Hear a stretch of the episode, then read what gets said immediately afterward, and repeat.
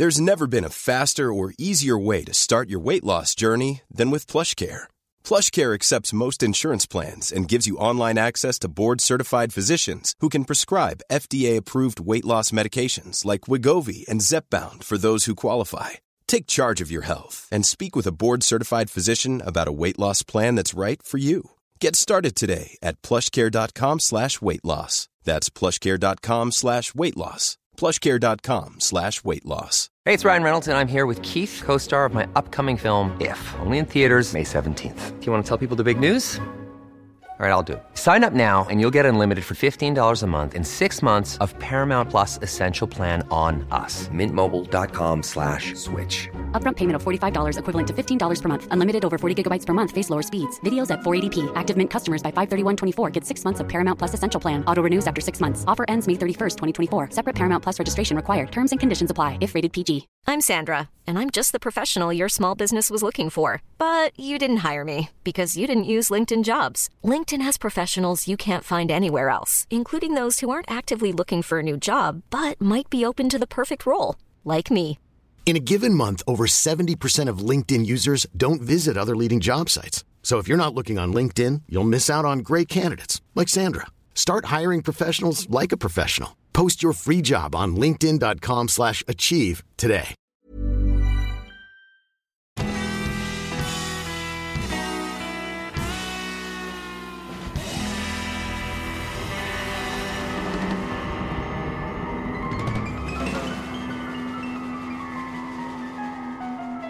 Hej allihopa och välkomna tillbaka till ett nytt avsnitt av Ståpäls. Och det är ju jag, Lukas Ternestål och... Ida Utterklo. Mm, Mm. det är vi två. Ja, Ja, hur är Eh, läget? jag tänkte precis fråga dig samma sak. Ehm, nej men det är väl bra skulle jag säga att det är. Ehm, känner att de senaste veckorna har varit väldigt så här fullt upp. Det är någonting varje vecka.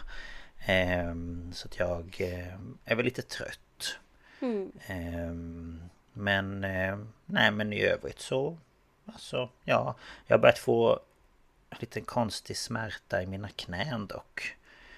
Ehm, Jag har ju alltid haft Eller alltid ska jag inte säga men de senaste kanske Ja Tio åren har jag problem med mina knän Mm. Och det vet ju du att de har ju knäppt och sådär när jag Mm. försöker göra knäböj och sånt på gymmet Men nu gör det liksom inte ont vid knäskålen utan det gör ont där det blir hårt igen eh, under knäskålen efter den här mjuka delen. Mm. Och så runt där. Eh, så att eh, jag eh, kan knappt inte cykla för att det gör så ont. Oj. Så jag vet inte vad det är som har hänt. Jag sökte lite på nätet igår och hittade typ någonting som man kan få som... Jag vet inte, kommer inte ihåg vad det hette men som sitter där. Men att det var vanligast när man var typ ung, alltså typ ett barn. Att det kunde typ hänga kvar när man blev äldre. Men då borde jag ju haft problem där hela tiden. Mm. Men det har liksom bara kommit nu ganska så här... Ja men plötsligt så att eh, jag Det kan ju typ bara inte... vara någon överbelastning. Ja, förmodligen. För det är ju den hälen jag har ont i också. Ja, ja men då är det nog Så förmodligen fel belastning något. tror jag. Ja, förmodligen kan det vara Och något då, sånt. då men... blir ju senor och, och allt sånt där blir ju irriterat och Ja, jo, nej men så jag vet inte riktigt ehm, vad jag ska göra eftersom jag haft ont i hälen sådär jättelänge också så vet jag inte om jag behöver liksom kolla upp det eller vad jag ska göra. Ja, Eh, det kan ju vara kan ju vara skönt att bara få veta vad det Ja. är. Precis. Så att det är lite, det är lite jobbigt för jag kan liksom Mm. inte sitta på knäna, jag kan inte sitta på huk och jag kan inte...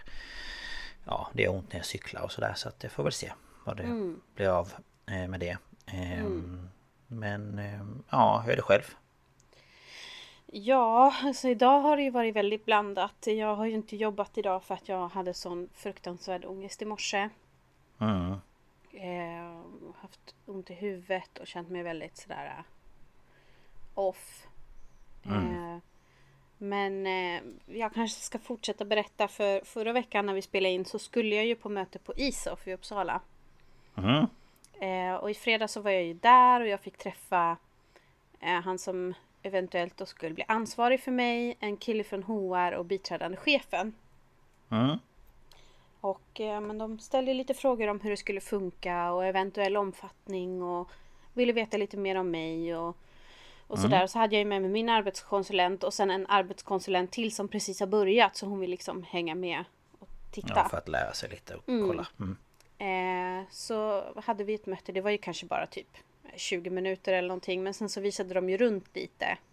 Mm. Eh, jag har ju varit där förut men vi fick gå in i arkivet och hon visade det här de här lådorna som jag har berättat om med alla korten och Ja, ja, ja. ja. eh, med ord och sådär, dialektala ord. Eh, Och sådär. Och sen så sa de att ja, vi måste ju prata ihop oss och det blir liksom ingen, i så fall ingen start just precis nu. Vi måste prata ihop oss och sådär. Men Ja, eh, så nu eh, i tidig eftermiddag så ringde min vägledare och arbetskonsulenten och sa att de hade hört av sig och de sa ja. Så att eh, jag väntade mig ju kanske att det skulle ta ett par veckor om de, innan de hörde av sig. Men eh, Ja, ja. de har hört Nej, av sig eh, och sa att jag var välkommen att börja den nionde. Så ska de fixa fram Roligt. ett arbetsrum. Eventuellt får jag dela med någon men det var inte säkert. Jag får se. Och Ja. en dator och, och sådär. Så ska jag hjälpa till att digitalisera arkiv, transkribera ljudinspelningar och ja, Mm. Jätteroligt. lite sånt. Så att jag det kommer har ju ju... passa dig. Ja, det är ju... För er som då inte vet, ISOF är Institutet för folk och språkminnen. Och det är de som har ett ortnamnsarkiv och dialektarkiv. Och de eh, eh, håller ju på med, med eh, namnforskning och så vidare. Hon biträdande chefen är ju namnforskare. Jaha. Ehm, så hon forskar ju på namn. Och så de har ju ett topografiskt arkiv då med ortnamn, bynamn, gårdsnamn, åkernamn, ånamn, sjönamn. Alltså du förstår. Vad coolt. Och sen har de ju då dialektarkivet där de helt enkelt har, som jag drog ett enkelt exempel för min kollega igår. Säg skottkärra. Då kan man titta på skottkärra och där ser man då alla orden för skottkärra på olika dialekter. Ah. Och det är ju det som de behöver hjälp att digitalisera. Det topografiska arkivet är typ klart som jag förstod det. Eh, Så de håller ju på med sånt. Och sen är det ju folkminnen. Alltså de be- bevarar ju historier som folk var runt och intervjuade människor. Om hur de levde livet. Och, ja, men alltså, och de har ju till viss del sparat historier om så folktro och grejer också. Ehm, så det, de, det är ju en väldigt stor verksamhet så. Ja. Det låter ju som det. Ja. Men- ehm, Jag tycker också sånt är lite, men lite spännande, lite häftigt. ja. Och det, det är ju material som började samla in eh, runt 1900 tror jag hon sa. Eh, och sen så berättar hon ju att det, det är ett dialektlexikon som man har jobbat på och jag tror att det var alltså det är ju Jag vet inte om hon sa 40 eller 70-talet och det är inte långt, det är inte klart. Alltså så. Men då är Nej. det för att de tar alla dialektala ord. Det man håller på med nu är ett dialektlexikon där det är utvalda ord som kanske är extra speciella. Okej. Så man håller på att jobba med att släppa ett, en, en, en dialektordbok helt enkelt. Så det är liksom dialekter som då typ småländska? Alltså, eller? Ja men alltså då, då blir det ju som, tänk dig en, en ordbok. Ja. Eh, och så kan du slå på skottkärra. Och så står det ju då eh, rullebör Skåne. ja. Typ så. ja. det, det, det är det bästa ordet jag kommer på. Jag tänkte precis säga det, jag satt och tänkte också på det, ru- rullebör. Eller eh, pirra är ju väldigt eh, omtalat. Men jag funderar på om inte jag sa någonting annat när jag var liten. För skottkärra. Men jag kommer inte på vad det var. Nej jag vet faktiskt inte. Det var en... Någon, nej jag minns inte. Eh, Man glömmer ju mycket när man inte har bott där man kom ifrån på länge. Ja, såklart. Nej men så det kommer jag jobba med. Och eh, Mm. beslutet är taget på tre månader till att börja med. Ja, okej. Så får vi se ja, om det- Du ska kunna känna efter och de ska kunna känna Ja, efter. och sen så är det ju hur... Hur liksom... Tanken är att jag ska öka, jag ska börja i den utsträckningen jag håller på med nu. Men Mm. sen om några veckor gå upp på halvtid.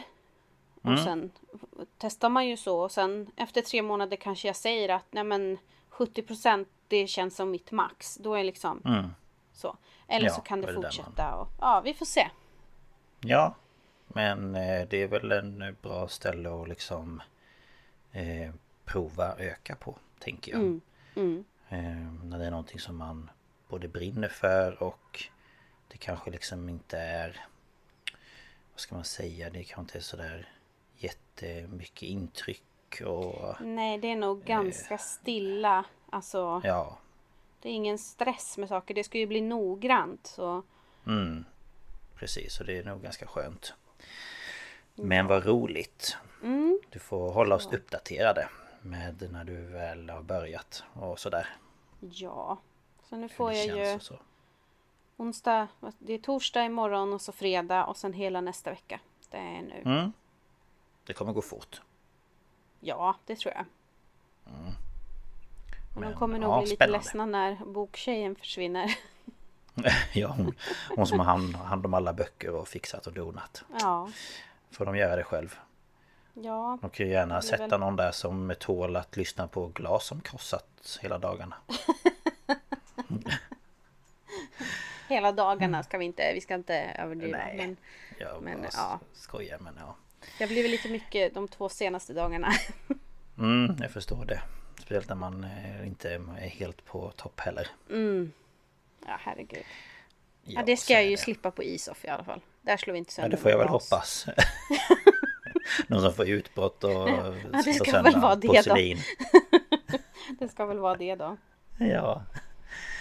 Ja, ja, nej men det ska bli roligt hoppas jag Ja. för dig. Mm.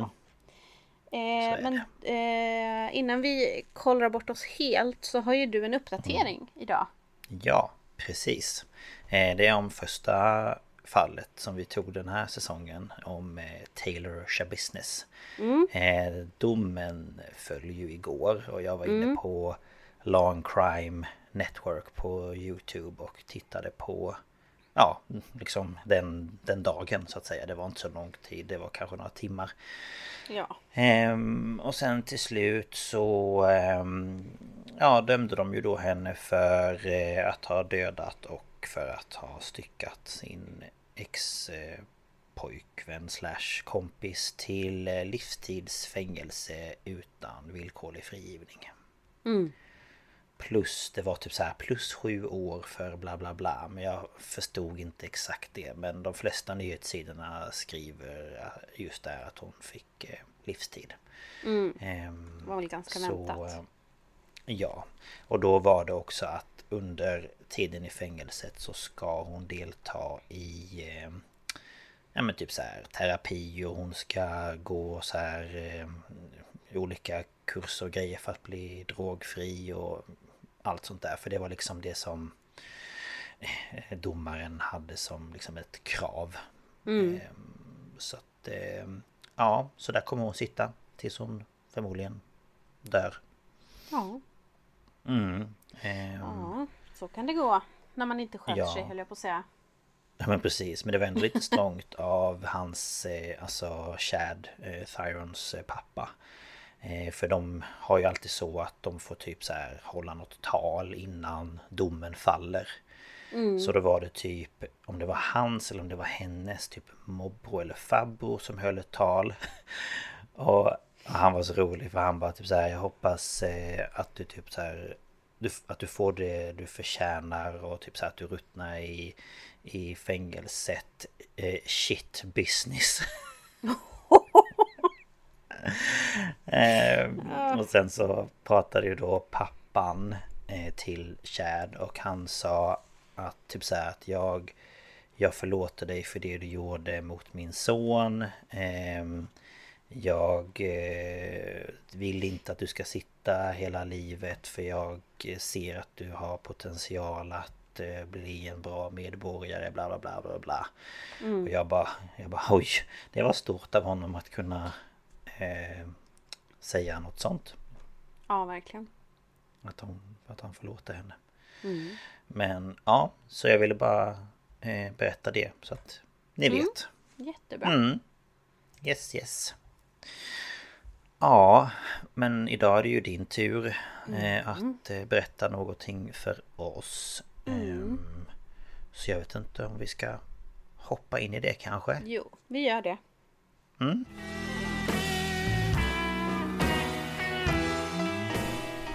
Ja.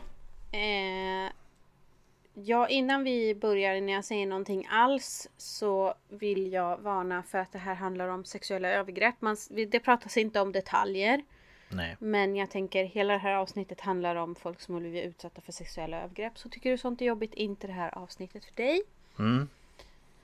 Yes, yes. Ehm, och mina källor den här veckan är thecinemaholic.com och sen har vi eh, Jag vet inte riktigt hur man ska säga det här för det finns antagligen något sätt att säga det på men det stavas i alla fall evawintl.org och det här är alltså End Violence Against Women Mhm.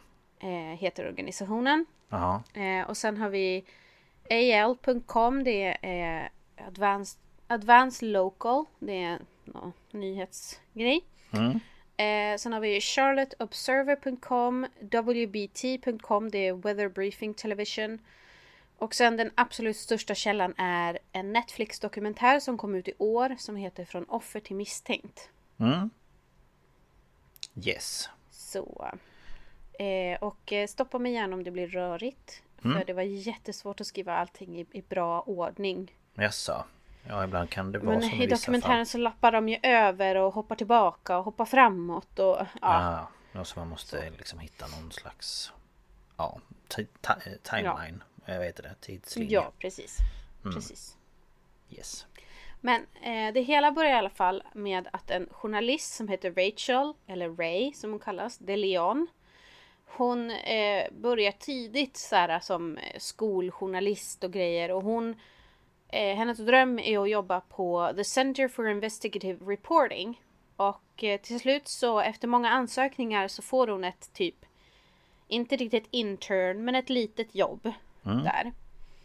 Och då är det mest att hon stöttar andra i deras stories och ehm, ja, korrekturläser eller hjälper till att leta info eller sålla info och sånt där. Men hon vill ju fortfarande få sitt genombrott. Eh, så hon börjar vid sidan om eh, skriva en egen story och det börjar med att hon ser en, en artikel om en ung kvinna som heter Nikki som har grivits, grivits, va? Gripits? För falsk våldtäktsanmälan. Mm. Eh, och det här var mitt under metoo 2017. Ah, okej. Ehm, och hon börjar ju läsa om det här och tänker ja men eh, att kvinnor hittar på sådär det måste ju vara ett unikum eller att kvinnor liksom eh, anhålls och anklagas för det här är ett unikum. Mm. Men sen hittar hon eh, ett fall till 160 mil bort. Ehm, och den här Nicky hon erkände så småningom brott och fick fängelse. Eh, och Ray hon ringer till henne pratar med henne och sen ringer hon till den, andra kvinnan och pratar med henne. Och båda de säger att de har faktiskt blivit våldtagna. Men sen fått eh, ta tillbaka det. Okej. Och den här andra tjejen som vi ska prata om är då Emma Mannion. Och hon växer upp i en förort i, i delstaten New Hampshire i USA. Och där levde hon ett jättebra liv och gick i skolan och liksom, ja, hade det bra. Och hon gick på en ganska liten high school så det var ungefär 60 elever som tog examen därifrån samtidigt. Så det är inte jättemånga. Det var inte mycket nej. Nej. Eh, och eh, efter high school så eh, tänker hon att hon ska hitta på något nytt. Så hon börjar på det rätt så kända University of Alabama i Tuscaloosa, Alabama. Och det här är en ganska chockartad förändring. För att plötsligt så är det liksom i hennes årskull så var de liksom 60 elever. Ja. Nu är det 10 000 freshmen som börjar samtidigt. Jäklar. Mm. Eh, ja, liten skillnad. Ja, Så att det blir ju en ganska stor förändring för henne. Men eh, hon gör sitt bästa. Hon får ett studentrum på campus som hon delar med en rumskompis och hon skaffar vänner. Mm. Och den 13 november 2016 så gick hon ut med en vän för att festa. Och eh, de går ju till såna här frat houses. Alltså Ja, just ja. vi har ju inte sånt. Vi har ju nationer och det är ju inte alls samma sak. Men en, en frat är ju som en liten studentförening kan man säga. Ja, precis. Eh, och de är i alla fall där, för det är där festerna händer. Där träffar de några killar som de börjar prata och skoja med. Och eh, det finns en mobilvideo som visar hur de skojar om dans och att Emma ska lära en av dem att dansa för hon är danslärare. Och de skrattar och ja, Mm, så. ja, ja. Vad roligt. Ja. Eh, men den 14 november, alltså dagen efter omkring 17 eh, så ringer Emma sina föräldrar och gråter höjdlöst. Och hon hyperventilerar och säger att hon blev våldtagen i en bil på en parkering utanför restaurangen Moe's Mexican. De här killarna, det var två killar som la armar om henne, tog henne till sin bil och knuffade in henne i bilen där hon slog i huvudet. Och sen vill hon inte säga mer till sin mamma. Okej. Hennes mamma hon råder henne då att åka till sjukhus och det gör hon och där gör man ju undersökningar på henne och bland annat då en vaginal undersökning för att se om det finns skador och sådär. Mm. Och mitt under hennes undersökning så kommer en, en sköterska in och säger polisen är här. Och eh, de gör ju klart undersökningen. Sen sitter hon där i en sån här sjukhussärk, du vet. Ja, ja, ja. Som man visar Eh. rumpan med. Ja men typ. Hon sitter på britsen i en sån. Och det kommer in två poliser och eh, börjar fråga en massa. Men alltså de ställer ju inte liksom de här relevanta frågorna man tänker så här. Eh, vill du anmäla? Vill du vi, vi ska starta en utredning? Har du någon du kan peka ut? Utan man säger typ Ja du sa att du blev våldtagen, berätta. Nej, men. Det var väl en jättedum inledning på hela det här känner jag. Ja, och det var också två män. Hon sitter där med bara en sån där sjukhussärk. Annars är ju hon naken. Ja. Eh, ensam. Hon är liksom, vad är hon, 18, 19. Ja, och precis har blivit liksom våldtagen Mm. av en... Eller två andra män. Och nej. Där, där Men, skulle eh, lärt sig hon- lite annorlunda. Ja, men hon eh, tänker ju att de är ju där, det är rutin, bla bla bla. Så hon berättar ju. Och tre dagar senare ringer det från Tuscaloosa Police Department och de ber henne komma till stationen för de behöver prata lite mer. Så den 18 november är vi på nu. Då åker hon dit. Hon är så trött. För hon har ju inte kunnat sova på fyra dagar sedan det här hände. Nej, såklart. Eh, och hon känner när hon åker dit att jag måste ha så heltäckande kläder på mig som möjligt. Och hon vill ha lösa kläder. För att hon säger hon är inte bekväm i sitt eget skinn liksom. Nej. Och hon säger att när hon kommer dit hon fryser. Och det är också en sån här trauma. Lite ångest. Mm. Eh, och det här eh, som händer nu finns på video. Ehm, och utredare Jared Ackridge Jared Ackridge, det var svårt att säga tycker jag. det, det. Ehm. ja. Mm. Han är i alla fall utredare för henne och han kommer in i rummet och han börjar med så här Hur mår du? Ja, hur är det idag? Bla bla bla. Och liksom sätter sig och pratar med henne. Och förklarar att jo men vi, vi brukar höra av oss efter några dagar för det kan vara så att man minns andra detaljer när liksom det har gått några dagar och ja, så. Ehm, och man kan tycka att ja men han är ju jättesnäll. Mm. Eh, men det var det ju inte. Nej. För han menar att hennes berättelse inte går ihop för honom och han tycker att det här är ju skumt. Och det här jag läser nu är citat ifrån den här videon. Okej. Ja. Han säger, vi har utrett det här hela veckan. Vi har fått ut... Vet du hur många kameror det finns i det här området? Vi har fått ut allt sånt, okej? Och för utredningens skull säger jag att du inte är ärlig mot mig, okej? Och hon sitter där och hon bara, eh, men ärlig med vad? Med det jag har sagt? Mm. Och då säger han, jag tror det inte överhuvudtaget. Och jag tror att du är en av dem som tar tid från mina riktiga offer. Nej. Så kan man väl inte säga. Och hon säger liksom nej. nej. Nej. Eh, och hon vidhåller ju att det som hände var, skedde inte med samtycke från henne. Nej, nej. Hon, det var inte okej. Och då svarar han, okej, gjorde du motstånd, sparkade, sa nej? Och hon säger ja. Ja. Och vad ska det spela för roll? Sen går... Ja men precis. Sen går han ut och då sätter de på en sån här white noise machine och det förklarar en, en annan polis som är med i dokumentären är för att de står antagligen och pratar utanför och då har de en white noise machine för att hon inte ska höra vad de säger. Mhm, okej. Okay, ja. Sen när han kommer in då har hon alltså suttit i det här rummet i totalt en timme och 40 minuter. Mm. Och då kommer han in och så säger han när man tittar på videomaterialet vi har så ser man att du och Steven hånglar och jag vet att du satte dig i bilen och han håller på så. Och liksom Mhm. fortsätter och så här. Hände det här verkligen så som du sa? Det var inte så att du hängde med dem och bla bla bla. Och hon blir bara tystare och tystare och tystare. Ja. Och till slut så säger hon I'm so sorry. Alltså jag är hemskt ledsen. Ja. Och han svarar eh, You saying you're sorry It makes me feel better. Nej. Va? Så hon säger jag är hemskt ledsen. Och han säger ja vad bra för det får mig att må bättre. Varför då? Varför För skulle att det... hon, han menar ju då att hon ber om ursäkt för att hon har upptagit hans tid. Snälla du är polis, det är väl ditt jobb för fan. Ja.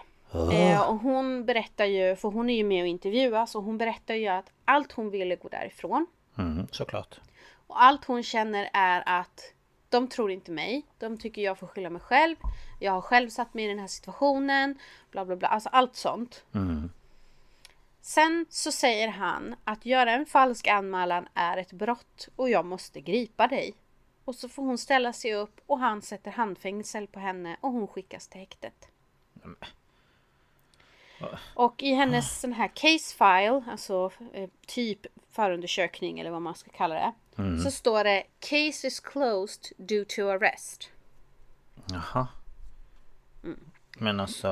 Och eh, hon, hon eh, skrivs ju in, får lämna fingeravtryck, tar en mugshot och eh, hamnar i häktet. Och eh, det är en av de äldre kvinnorna där som antagligen en sån som, ja, hon kanske inte är direkt ny där. Nej. Hon frågar henne så hej vad är du här för? Och hon säger, jag blev våldtagen och de säger att jag ljuger om det. Och den här kvinnan bara, girl you just got fucked over. Mhm. Alltså som att de har, du har blivit så jävla blåst nu. Jaha. För hon, då hon fattar ju att, alltså hon ser väl på henne att hon är jättechockad över att hon sitter där själv. Ja, ja. Såklart. Och eh, medan hon sitter i häktet så publiceras en artikel om hennes gripande på nätet. I artikeln är hennes mugshot och hennes fulla namn. Nej men. Det kan man väl inte göra? Jo. Varför... Men... Det blir väl jättekonstigt. Då kommer ju den... Då kommer ju de som... De som eh, gjorde detta mot henne, de kommer ju se det. Kanske. Och... s- Jaha, bara har de gått till polisen och skvallrat. Hon får ju ta emot så mycket hat. Det är ju helt galet. Eh, men hon släpps ju sen då för hon behöver ju inte sitta anhållen fram till en rättegång då för det här falsk angivelse. Nej, såklart. Och eh, en vecka före sin rättegång så läser Emma en artikel om en tjej eh, som heter Megan Rondini.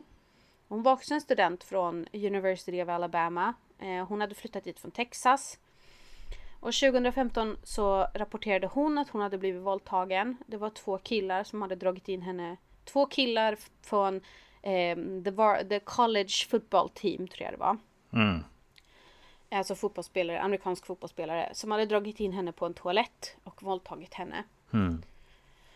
Och ehm, hon blev utsatt för ungefär samma. Hon fick sitta i förhör och hon fick höra att hon kunde åtalas För att hon hade ju på något sätt hade ju den här, hon hade ju hamnat hemma hos en av snubbarna.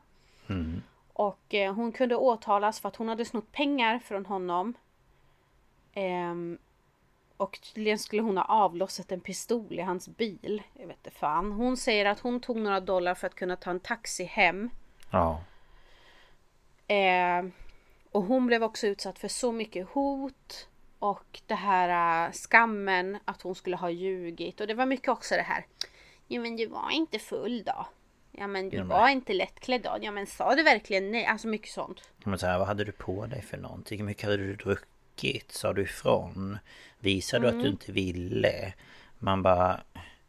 Ja, men om inte personen lyssnar så spelar det ju ingen roll vad man gör. Mm. Idioter. Ehm, det visade sig ju sen att ehm, den här killen som eh, hon eh, sa då hade våldtagit henne, en av dem. ehm, också den som hon var hemma hos. eh, var ju hennes, hans pappa var ju en väldigt känd typ affärsman Jaha. i samhället då. Då måste man ju skydda dem för det kan ju inte Och smutskastas. dagen som han blev anmäld och som hon blev förhörd så tilläts han åka på en fisketur med sin advokat. Ja, okej. Eh, och lite sådär. Så att det, det hanterades jättedåligt. Och det är också, det är samma eh, polis liksom. Mm. Och det slutar med att hon hoppar av universitetet. Eh, hon jobbade för sitt fall eh, och hade papper redo och allting. Eh, men hon klarade inte av det utan hon tog sitt eget liv. Nej, usch. Och hennes föräldrar stämde skolan, gärningsmannen och polisen. Och de nådde en förlikning med skolan, alltså med universitetet och gärningsmannen. Men stämningen mot polisen lades ner. Det är jävla... Jag vet inte. Vad säger man? Det är fruktansvärt. Att... Eh, att det ska behöva gå så långt. Ja. För jag tänker att ta sitt liv är ju liksom sista utvägen. Mm. Mm. Ja, nej. Ja. Och efter att ha läst det här så känner ju Emma att hon kommer inte orka. Så hon erkänner sig till slut skyldig och når en förlikning. Precis som tjejen Nicky hade gjort. Mm. Och eh, journalisten Ray Hon eh, har ju pratat med Emma då, hennes föräldrar och allt sånt där. Och hon försöker nu ta reda på om det här är ett vida spritt fenomen.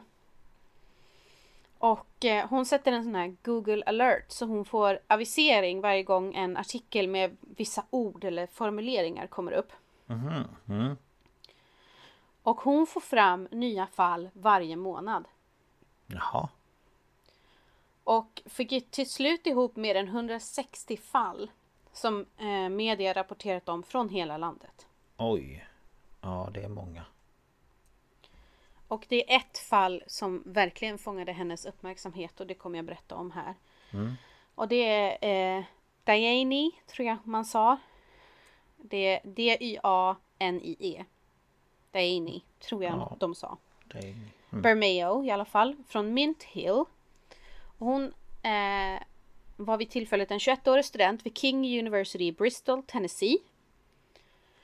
Och hon berättar att hon blev överfallen den 29 september 2020 i en korsning i Washington County, Virginia. Och hon var då på väg tillbaka till campus. Jag vet inte om hon hade varit på jobb eller vad det var. Hon satt i bilen och lyssnade på musik och du vet så här, slappna av och du vet så. Och sen så plötsligt så ser hon blåljus i backspegeln. Hon tänker Fan också. Ja. Så. Men hon svänger av. Det är en liten sån här äh, ficka. Det ser nästan ut som en sån här bussficka, du vet. Busshållplatsficka. Och ehm, ehm, hon sätter bilen i park och liksom ja, förbereder sig, öppnar rutan och så kommer en polis och säger Vet du hur fort du körde? Och hon bara I don't know. Eh, och så säger hon en hastighet, det var ungefär typ så här 40-50 km i timmen. Och han säger åt henne att kliva ur bilen och hon blir så här, jaha varför då? Han bara, om du inte kliver ur då kan jag ringa på förstärkning och då kommer, då kommer fyra, fem killar och hjälper mig. Och hon bara okej, okej, så hon kliver ur. Mm. Och då vänder han på henne jättesnabbt. Hon får inte titta på honom. Och sen börjar han kroppsvisitera henne. Och han är extra noga runt brösten och mellan benen. Och hon står ju där och bara vill att det här ska vara över. Och hon säger typ till honom så här, tänk på vad du gör. Eh, tänk eh, liksom på konsekvenser och du vet sådär. Men hon försöker typ be honom att sluta. Sen rätt vad det är så hör hon hur han vänder sig om, typ springer tillbaka till sin bil och kör iväg. Ever catch yourself eating the same flavorless dinner three days in a row? Dreaming of something better? Well, HelloFresh is your guilt free dream come true, baby. It's me, Gigi Palmer. Let's wake up those taste buds with hot, juicy pecan crusted chicken or garlic butter shrimp scampi. Mm. Hello Fresh. Stop dreaming of all the delicious possibilities and dig in at HelloFresh.com. Let's get this dinner party started. Hey, it's Ryan Reynolds, and I'm here with Keith, co star of my upcoming film, If, only in theaters, May 17th. Do you want to tell people the big news? All right, I'll do it. Sign up now and you'll get unlimited for $15 a month in six months of Paramount Plus Essential Plan on us. Mintmobile.com slash switch. Upfront payment of $45 equivalent to $15 per month. Unlimited over 40 gigabytes per month. Face lower speeds. Videos at 480p. Active Mint customers by 531.24 get six months of Paramount Plus Essential Plan. Auto renews after six months. Offer ends May 31st, 2024. Separate Paramount Plus registration required. Terms and conditions apply if rated PG.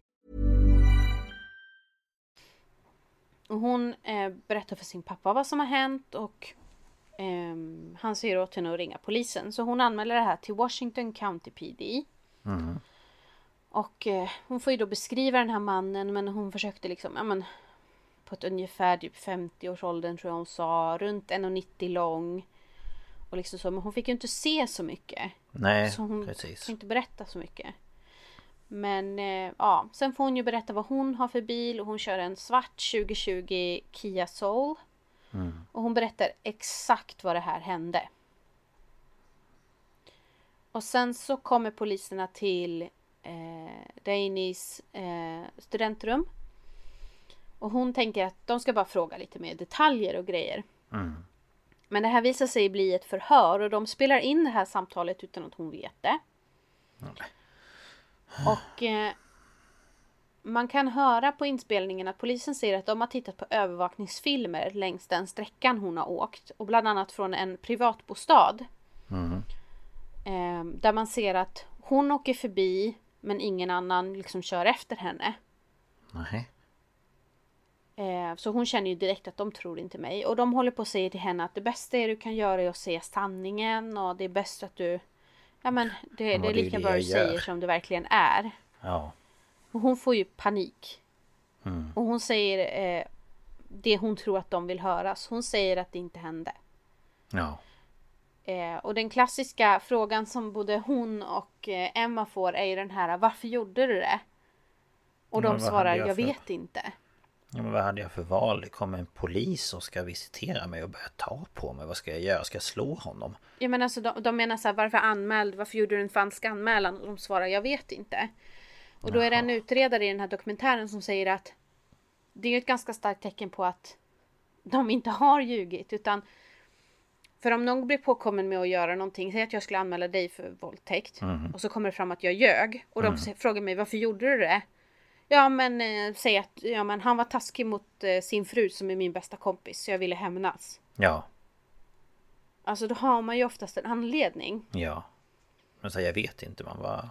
Nej, då kanske du talade sanning. Kan man ju tänka sig. Ja. Men eh, de lämnar henne sen i alla fall och sen ringer en polis och ber henne komma till stationen för att skriva på papper där hon går med på att utredningen läggs ner. Så hon åker dit.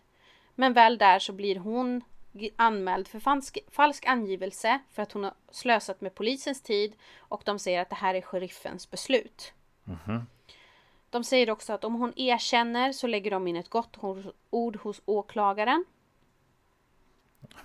Och eh, men vad ska hon göra liksom? Ja men jag känner vad ska Och, det? eh, Alltså... Åh. jag tycker det är så jävla ruttet bara. Man bara men vadå gott ord hos åklagaren? Det är väl åklagaren som ska besluta om, om det är ett brott eller inte. Sen om hon mm. har skött sig bra eller inte, det ska väl inte väga upp till... Ja, jag vet inte. Hon får i alla fall åka tillbaka till sitt rum på campus och nästa dag väcker hennes rumskompis henne och liksom så här äh, Vad i helvete är det här? Och så håller hon upp typ en dator eller telefon eller vad det var. Då har alltså Washington County Virginia Sheriff's Office officiella Facebook-sida publicerat ett inlägg med hennes mugshot, hennes fulla namn, vad hon anklagades för och typ shameade henne samtidigt. Mm. Och de har också skrivit längst ner att de har kontaktat hennes universitet. Nej. Man bara men Sluta bara, sluta håll på Jag orkar inte Men vem, den som var ansvarig för Facebook-sidan, vem, vem det än var va, Hur kan man tycka att det här är en bra idé? Ja men jag känner också det Man bara men Nick behöver kanske inte posta allting som händer Alltså... Nej men det här kändes ju bara som att de gjorde det för att säga Åh, passa er tjejer för vi vet att ni ljuger när ni anmäler våldtäkt och det är ett brott ska ni veta. Titta bara på den här. Mm. Det var typ så. Vad som händer när man gör, när man kommer in och anmäler bla bla bla. Ja. Usch. Och efter det här så bombas ju hon med meddelanden som kallade henne för saker och hotade henne och grejer. Mm. Och i den här dokumentären så visar det sig att efter att hon har berättat om den här polisen då som, som uppenbarligen inte var någon polis. Nej. Då hör man på inspelningen att poliserna har ju ett hum om vem det kan vara. Mm För de säger så här, ah, men som har låtsats vara polis, 1,90 lång, 50-årsåldern. Du vet vem jag tänker på va? Ja, det gör jag. Ja, mm. Jaha. Och det här är en man som heter Dwayne Mullins och han ägde till och med en Crown Victoria. Som är modellen som poliserna använder i USA. Polisbil. Nämen, jaha, okej. Okay. Och han har dessutom låtsats vara polis vid tidigare tillfällen. Mm. Ja, och då... Och eh, Ray, hon hittar ju honom och frågar honom om det. Och eh, det visar sig att polisen har inte ens frågat honom vad han var när Daini blev antastad. Nej. Och han är såhär, ja det där då, nej alltså det är ju så länge sedan men vid den tiden på kvällen då var nog jag på jobbet. Det går säkert att kolla upp men polisen har aldrig pratat med mig om det. Jag hade ingen aning om det. Hmm. Och det skulle väl vara det första då om man misstänker någon? Ja. Och höra med den personen. Och se om den har något alibi. Eh, Ja, men det polisen istället gör är ju då som jag sa att de hittar övervakningsvideomaterial från sträckan där Danny sa att hon körde. Mm. Eh, och det visar sig att eh, den första videon som de använde som bevis då var från en bensinmack. Mm. Som låg längs en sträcka där hon inte ens hade kört. Mm. Den ja. andra är från en jeephandlare. Och där står det att de ringde och pratade med Adam. Inget efternamn. Och han säger jo men jag såg nog en Kia köra förbi men det var ingen bil bakom. Man bara men hur, vadå står han i skyltfönstret och tittar på vilka bilar som kör förbi eller? Jo men jag kände då en Kia, man bara det skulle kunna vara vilken Kia som helst. Ja men och så är det så här, jaha men vadå stod du exakt vid den tiden och tittade ut genom fönstret? Och vem fan är de? De har inget efternamn. Nej. De har inget liksom så här, han är säljare där, han är vaktmästare, han är chef, ingenting. Nej. Ingenting. Ja, det, det är de. Och den tredje videon är ifrån en privatbostad och kameran sitter typ eh, 135 meter från vägen eller hur fan det var. Eller från platsen där det här hände och typ. Mm -hmm. ja, jag har sett videon ifrån den garageuppfarten och grejer. Man ser typ. Ja det åker förbi en bil. Man ser typ lyserna. Så. Jaha. Man kan ju inte säga att det är hennes bil. Nej. Nej nej nej. Alltså. Men mm. Ray och Dainys advokat Laura, tror jag hon hette. Och den här advokaten hon har tagit sig an hennes fall eh, pro bono. Alltså hon gör det gratis. Mm.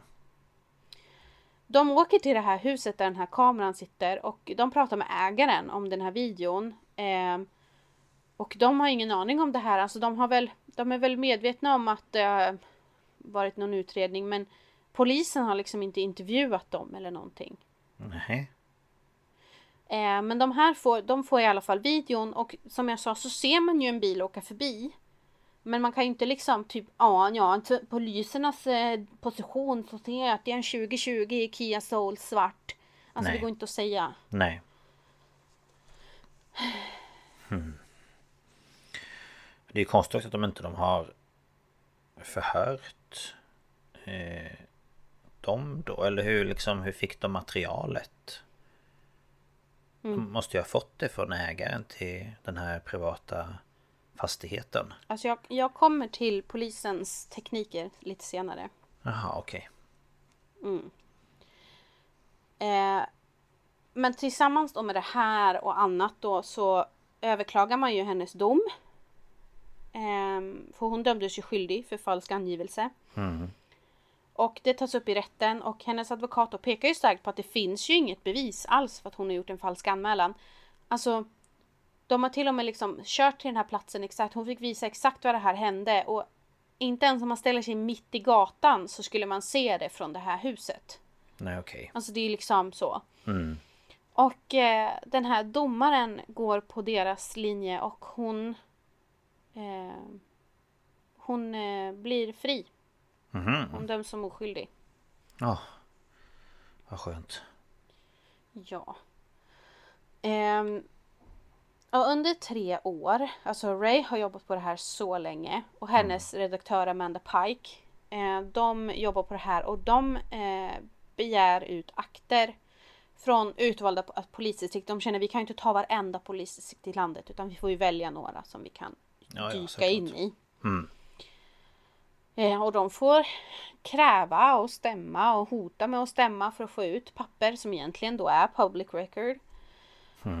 Eh, men till slut så har de 52 fall att kika på och de tar hela teamet på den här eh, re- redaktionen där hon jobbar. Tar ju hela teamet till hjälp och de sitter och diskuterar och bla bla bla.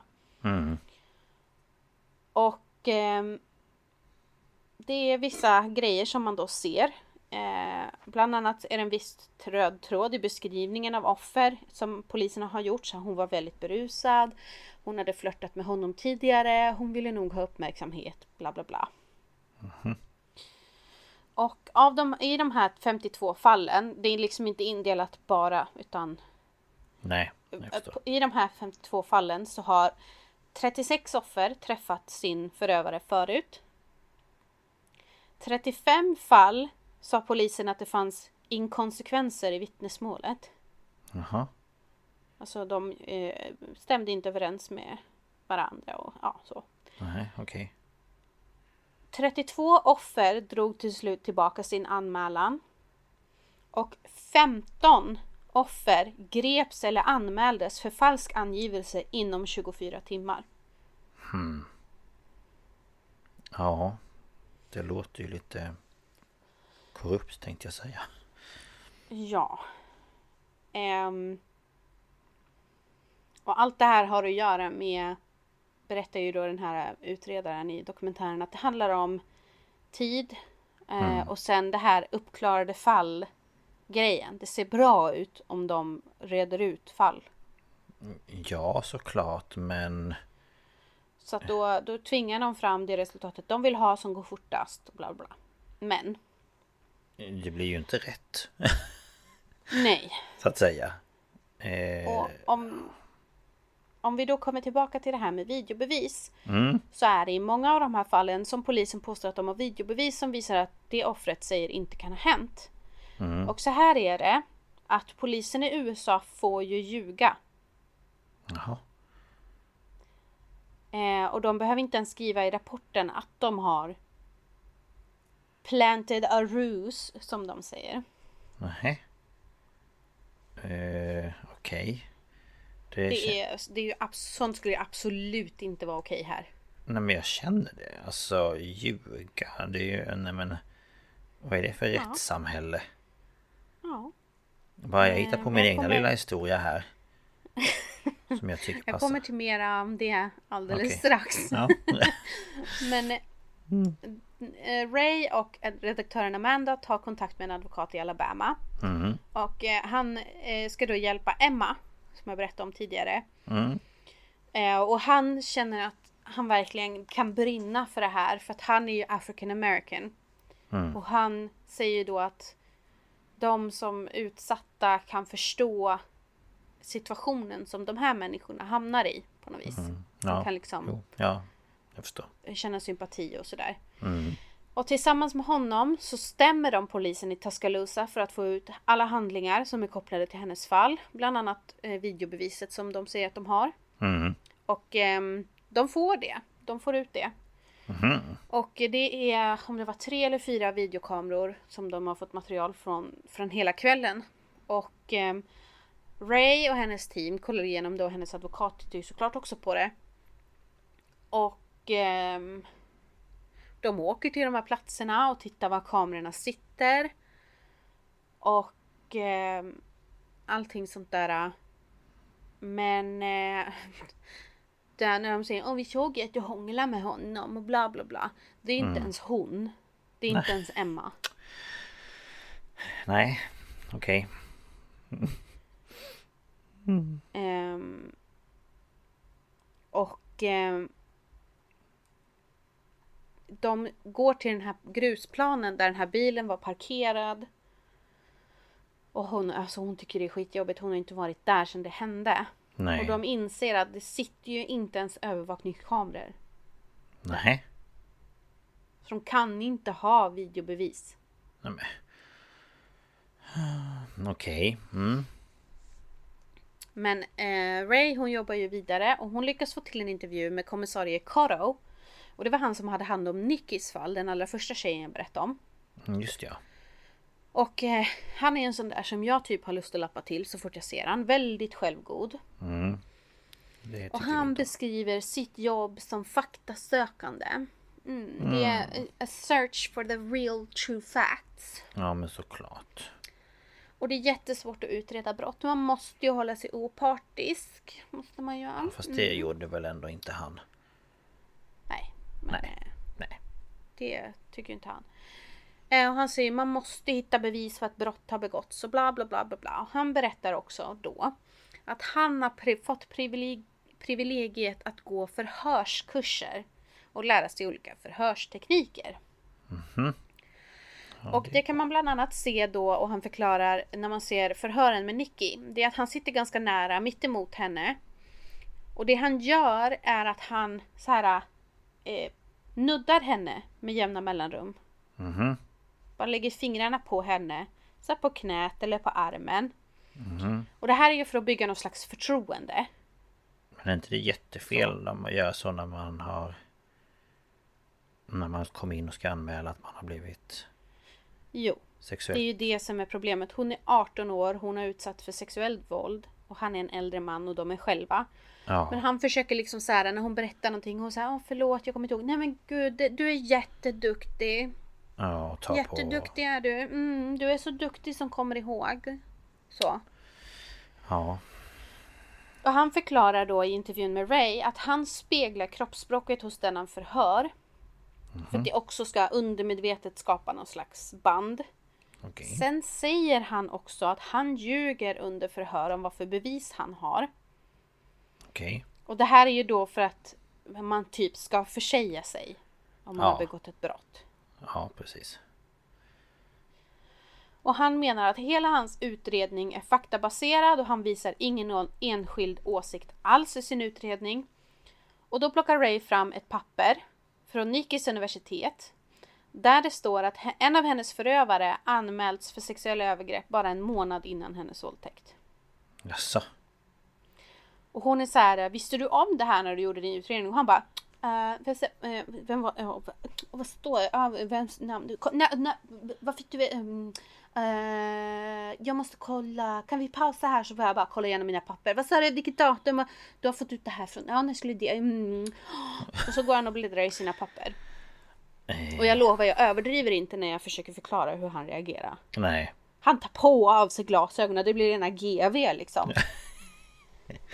Ja, alltså. Ehm, Och man kan ju tycka att om han har gjort en ordentlig utredning så skulle ju Då det här ha kommit ju- fram. Ja precis och han borde ju veta vem det är. Alltså om han... Om han hade utrett hela alltet så skulle han ju vetat vem den där personen var. Ja. Mm. Eh, men han säger att han hade, det här hade inte kommit till hans kännedom under utredningen. Åh nej men vad jobbigt. Ehm, och eh, den här personen då som det handlar om, han har ju efterhand hävdat att det fanns samtycke mellan honom och Nicky. Så, mm. Ja och det är ju hans ord som gäller liksom så att eh, Det är ju bara att Tacka och ta emot. Och det här fenomenet med att man inte pratar med någon som är utpekad har vi ju sett då tidigare. Mm. Eh, och det här händer inte bara liksom en, två, tre gånger. Det här händer ganska upprepat Mm. i de här olika fallen. Eh, när den här dokumentären är slut så har Emma då med, tillsammans med Leroy Maxwell sin advokat eh, tillsammans med honom och det Ray har fått fram så har de lämnat in en resningsansökan. Eh, Det hade inte hänt något mer med den än. Nej. Och eh, Emma och Danny de åker tillsammans och berättar vad de har varit med om på en polisutbildning. Där de medverkande velat lära sig mer om hur man utreder sexualbrott och hanterar offer och sådär. Mm. Så det är liksom en, vid- en kurs, en vidareutbildning. Okej. Och eh, Ray ber en sista gång Sheriff Abernathy som hade hand om, som var då chef på Emmas fall. Om ett uttalande. För hon, hon berättar ju för alla som tas upp i den här dokumentären. Även om de har varit med på intervjuer eller inte.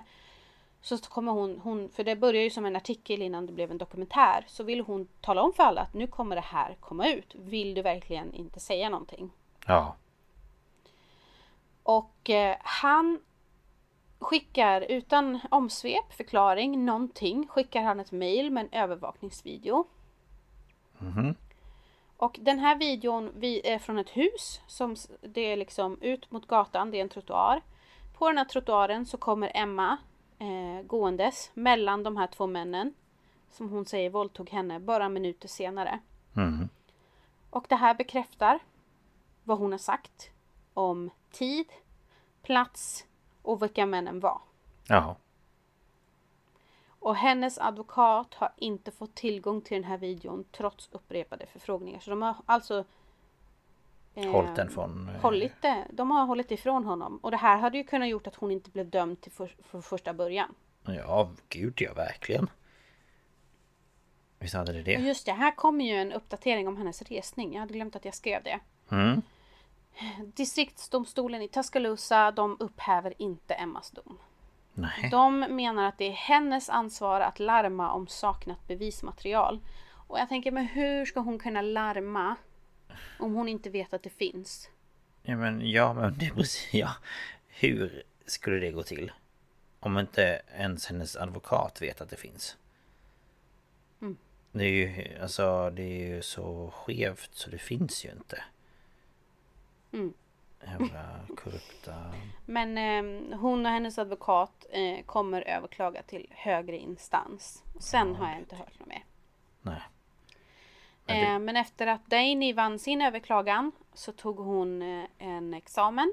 Mm. Och hon planerar då när den här dokumentären kom att ta en master i juridik eller straffrätt.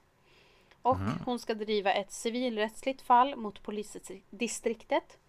Och eh, Washington County Sheriff sa till Ray att Dainys utredning tog ungefär 115 timmar. Ja. Vad länge. Eh, och han säger att han har erbjudit Dainy att öppna fallet igen men hon sa nej. Och man bara, ah, vad konstigt för hon har ju säkert förtroende för er. Ja, ja, ja. Absolut. Såklart hon har det. Det har ju gått så bra hittills så det är bara att fortsätta. Eh, för att avsluta då så vill jag bara säga att Megans pappa Mike startade en fond till stöd av offer för sexualbrott. Och den erbjuder stipendier och andra, andra utbildningsresurser till minne av Megan. Mm. Vad fint. Men Så, fruktansvärt att hon eh, behövde... Eller behövde, fruktansvärt att hon kände att hon mådde så dåligt. Ja. Så det här var ju några som har gått från offer till misstänkt. Mm. Ja, men jag tycker bara att det är så här...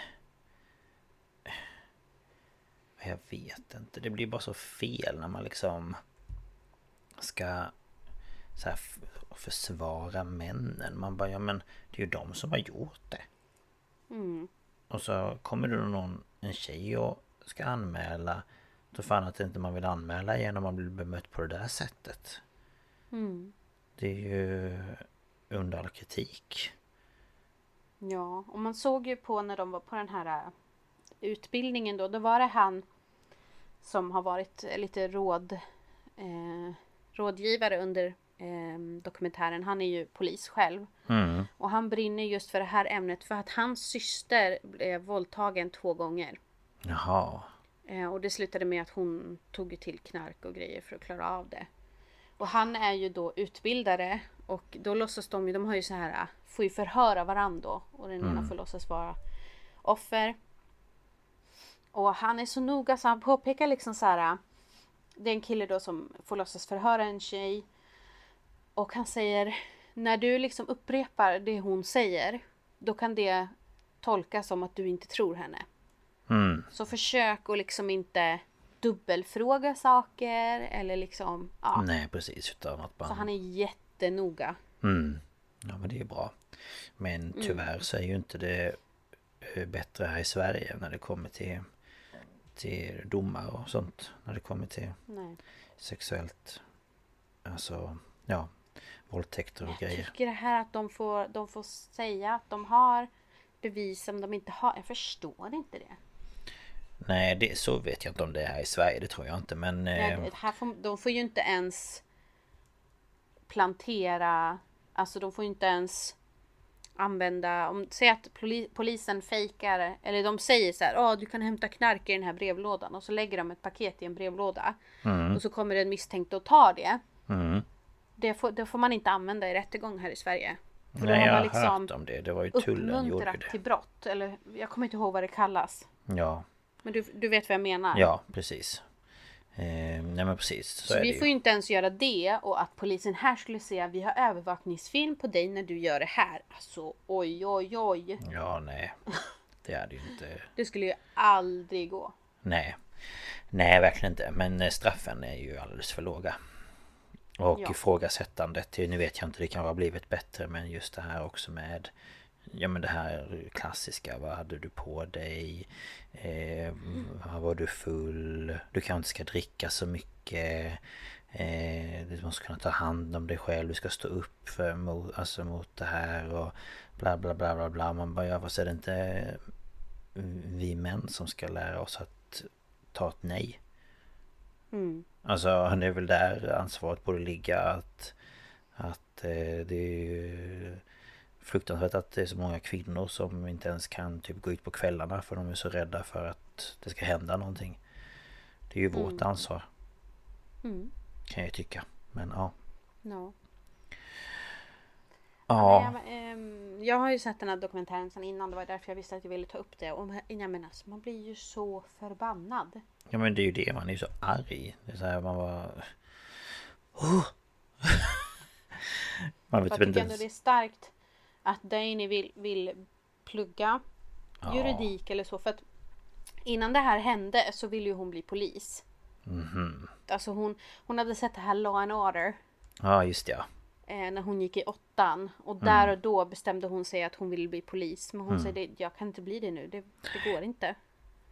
Nej, Men ja, att hon ändå vill kämpa för Rättvisan Ja. Men, men eh, att hon vill kämpa för, för juridik och straffrätt och grejer. Jag tycker det är jättestarkt. Ja Jag hade inte heller velat bli polis i USA Nej. Ehm, både för sådana saker och sen just det här med Jag menar att det var varannan video man ser från USA så använder de ju sina vapen och grejer och Mm.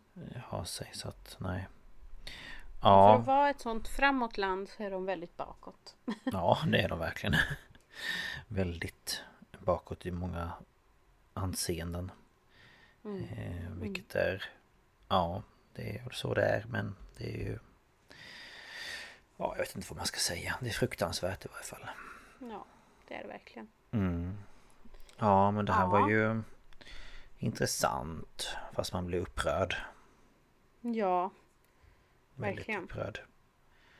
Men det kan man ju bara säga typ så här eh, Man har hört om ja, men tjejer som har blivit våldtagna och så Ska de till typ sjukhuset och göra sån här Rape kit grej Och så är det typ en manlig läkare Man bara Men det kanske inte är så jävla smart Nej. Eller liksom alla sådana där saker att inte man tänker ett varv till att Jaha okej nu kommer det in någon här Ja men det kanske ska vara en kvinnlig läkare Mm. Eller liksom det kanske ska vara kvinnliga poliser som kommer och förhör Om det finns möjligheten till det såklart för det finns ju inte i Alltså Det är väl flest manliga poliser även om det är mycket kvinnliga även här i Sverige nu. Så ehm, Ja så är det att man är en av En av varje men ja du förstår. Mm. Ehm, Men ja Nej Det Ja borde tänka efter lite bättre Ja, verkligen. Mm. Ja, Mm. men det Men var det var allt. det jag hade för idag. Ja, det var allt för den här veckan. Ja, Mm. jösses. Mm. Så är det. Ehm, jag ska bara kika på... Ja, just det. Det, det blir True Crime nästa vecka också. Vad sa du det blir? True Crime. Ja, det blir det. Ehm, Det blir spännande. Jag vet ju ämnet. så att Det, ja, det får ni Mm. inte veta. det blir bra, det blir bra. Det blir bra. ja. Ehm, jag ska kika om det finns några eh, relevanta bilder. Kanske jag kan lägga ut bilder på tjejerna. Mm. Ehm, och sådär. På vår. Instagram. Ja, nej det tänker jag verkligen inte ta. Usch. Nej, nej. Eh, ja, men gör det. Och eh, vår Instagram är... Det är ju Staphals podcast eftersom vi inte får ha OÄ. Mm, om man vill mejla eh, oss. våran mail är ju samma Staphals podcast. Bara att det sen läggs till snabelagmail.com. Om man vill mejla oss. Annars går det Precis. jättebra att skicka meddelande på Instagram eller kommentera eller sådär. Ja. Det blir sketa bra. Ja, det blir det. Ja, Men eh, tack för att ni har lyssnat på mitt svammel. ja men det var bra.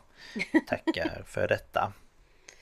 Ja, tack och tack. Mhm. Eh, så får ni ha det så bra Ja, ha det så bra där ute i stugorna.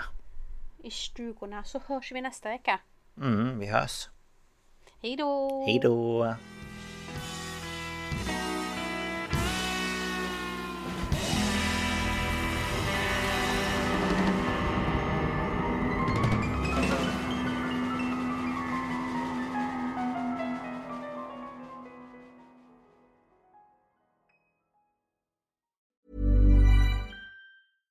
Ever catch yourself eating the same flavorless dinner three days in a row? Dreaming of something better? Well, HelloFresh is your guilt free dream come true, baby. It's me, Gigi Palmer. Let's wake up those taste buds with hot, juicy pecan crusted chicken or garlic butter shrimp scampi. Mm. Hello Fresh. Stop dreaming of all the delicious possibilities and dig in at HelloFresh.com. Let's get this dinner party started.